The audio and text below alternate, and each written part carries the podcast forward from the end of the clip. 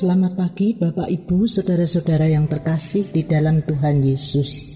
Selamat bertemu kembali dalam sapaan dan renungan pagi GKI Salatiga pada hari ini Selasa tanggal 6 Juli 2021 bersama saya Penatua Yeni Langgar. Bapak Ibu, saudara-saudara yang terkasih, sebelum kita mendengar dan merenungkan firman Tuhan, marilah kita berdoa. Tuhan Allah Bapa kami yang ada di surga, Bapa yang Maha Kasih, pagi hari ini kami datang kepadamu. Kami mengucap syukur dan terima kasih atas penyertaan Tuhan dalam kehidupan kami. Tuhan memberi kesehatan dan kekuatan serta semangat. Tuhan sesaat lagi kami akan mendengar dan merenungkan sebagian firman-Mu. Kami mohon pimpinan dan penyertaan roh kudus. Bukalah hati dan pikiran kami. Kami mau mendengar dan merenungkannya. Terima kasih Tuhan, inilah doa kami yang kami naikkan hanya di dalam nama Tuhan Yesus, Juru Selamat kami. Amin. Bapak Ibu Saudara-saudara yang terkasih, tema kita pada hari ini adalah Allah menyapa. Firman Tuhan untuk kita diambil dari Yesaya 43 ayat 4a. Oleh karena engkau berharga di mataku. Bapak Ibu saudara-saudara yang terkasih, saya mengajak Bapak Ibu saudara-saudara membayangkan suatu waktu kita berada di tempat yang baru dan asing sekali. Tiba-tiba ada orang yang datang menyapa kita Betapa bahagianya kita, kita senang. Tetapi bayangkan juga apabila kita bertemu dengan seseorang yang kita kenal, namun ia berusaha menghindar dan tidak menyapa kita. Waduh, betapa kecewanya kita. Sesungguhnya setiap kita membutuhkan sapaan. Bahkan menurut para ahli, sapaan melalui musik tertentu memiliki pengaruh positif bagi perkembangan kecerdasan anak sejak dalam kandungan. Sapaan juga mempengaruhi suasana hati, pikiran, dan motivasi seseorang. Sapaan juga mengekspresikan bentuk penghargaan, pengakuan, dan penerimaan bahwa seseorang itu ada. Bapak Ibu saudara-saudara yang terkasih, sapaan juga dipakai Allah dalam memelihara relasi dengan umatnya. Allah menciptakan manusia menurut gambar dan rupa Allah, sehingga manusia memiliki kepekaan, kecakapan untuk mengenal Allah. Allah tidak pernah mendiamkan manusia. Ia selalu mencari manusia.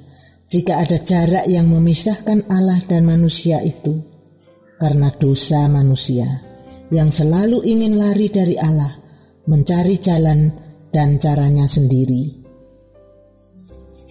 Bapak, ibu, saudara-saudara yang terkasih, bagaimana Allah menyapa kita? Sesungguhnya Allah tidak pernah berhenti menyapa kita lewat berbagai peristiwa. Setiap saat dengan kasih dan berkatnya, sapaan Tuhan itu bisa menguatkan, menghibur, mengingatkan, bahkan menegur. Allah menyapa dengan banyak cara melalui keluarga kita, perjumpaan dengan orang lain, sahabat, teman, melalui firman-Nya dan juga melalui doa-doa kita.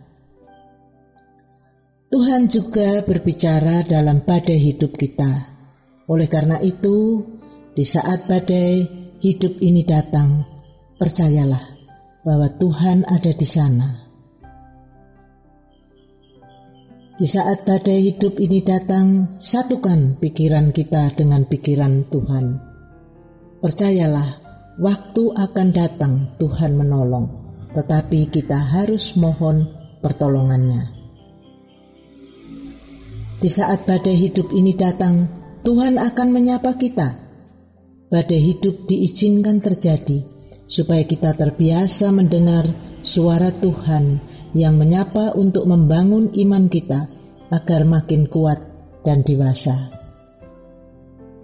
Oleh karena itu, kita harus mempunyai kepekaan akan sapaan dan kehadiran Tuhan.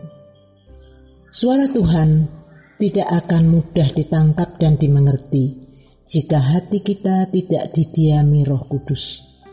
Hati yang dipenuhi Roh Kudus adalah untuk mendengar suara Tuhan. Mendengar suara Tuhan membutuhkan waktu. Tidak mudah mendengar suara Tuhan. Belajarlah memiliki kepekaan rohani dengan terus mencari hadiratnya agar dapat membedakan mana yang suara Tuhan, mana yang suara manusia, dan mana yang suara iblis. Rumah Allah menjadi sumber datangnya suara Tuhan. Artinya, selama manusia dalam persekutuan dengan Allah, maka suara Allah akan datang untuk membimbing dan membantu kita. Bapak Ibu saudara-saudara yang terkasih, pada saat ini kita tengah mengalami badai kehidupan, di mana COVID-19 dan varian baru semakin menjadi. Begitu banyak masalah yang kita hadapi dalam hidup ini, seperti masalah keluarga, masalah ekonomi, sulit mencukupi kebutuhan sehari-hari, masalah sakit penyakit.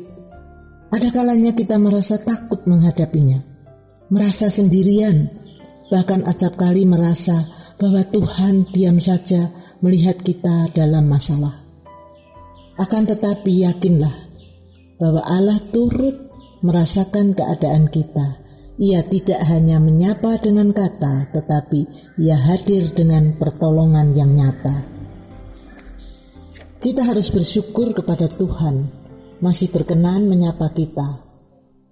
Betapapun menyakitkan sapaan itu, Tuhan masih mengasihi dan menempatkan kita sebagai anaknya yang sedang ia didik dan ia ajar. Melalui sapaannya yang mengejutkan dan menyakitkan, sesungguhnya Tuhan sedang mengubah dan membaharui kita untuk kebaikan kita. Ia mampu melakukan apa saja, termasuk yang berada di luar jangkauan nalar manusia tidak ada alasan untuk meragukan kekuasaannya. Inilah yang menjadi dasar bagi orang percaya untuk mempercayakan diri kepadanya. Kita tidak boleh putus asa, tidak boleh kehilangan harapan, sebab kehidupan kita bergantung sepenuhnya kepada Tuhan. Ia mampu menjamin kita dan memberi harapan kepada kita. Mengapa Allah mau menyapa kita? Ia ingin berkata, Engkau berharga di mataku. Tuhan selalu setia menyapa kita, menghapus duka, menopang dan mengukuhkan kita. Amin. Bapak Ibu saudara-saudara yang terkasih, marilah kita berdoa. Tuhan Allah Bapa kami yang ada di surga, kami mengucap syukur dan terima kasih Tuhan kami boleh mendengar dan merenungkan firman-Mu di pagi hari ini. Tuhan, kami mohon kiranya Roh Kudus menolong, menuntun perjalanan hidup kami, agar tetap setia mendengar sapaan Tuhan, beriman teguh dan berpengharapan kepadamu. Tuhan kami mohon berilah kami kesehatan dan kekuatan di masa pandemi ini. Kami juga berdoa untuk saudara-saudara kami yang terpapar COVID-19. Kami mohon pertolongan Tuhan. Mereka dapat sembuh dan pulih kembali. Tuhan memberkati semua perawatan medis dan obat-obat yang diberikan. Terima kasih Tuhan. Inilah doa kami yang kami naikkan hanya di dalam nama Tuhan Yesus, Juru Selamat kami. Amin. Bapak Ibu, saudara-saudara yang terkasih, Terima kasih, selamat beraktivitas, Tuhan memberkati.